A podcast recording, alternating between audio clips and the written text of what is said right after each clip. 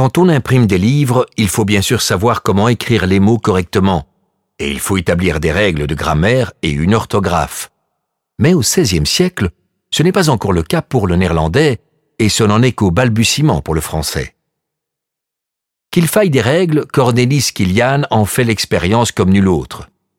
Cinquante ans durant, il travaille en effet comme correcteur d'épreuves dans la maison d'édition de Plantin. Les correcteurs d'épreuves sont des érudits qui maîtrisent les langues et corrigent les épreuves. Kilian, qui est veuf avec trois enfants, habite même dans la maison d'édition. Pour Kilian, les dictionnaires sont l'œuvre de sa vie. Il rédige, entre autres, ce premier dictionnaire explicatif du néerlandais dans lequel il donne l'étymologie et la signification d'environ 40 000 mots et les compare avec d'autres langues.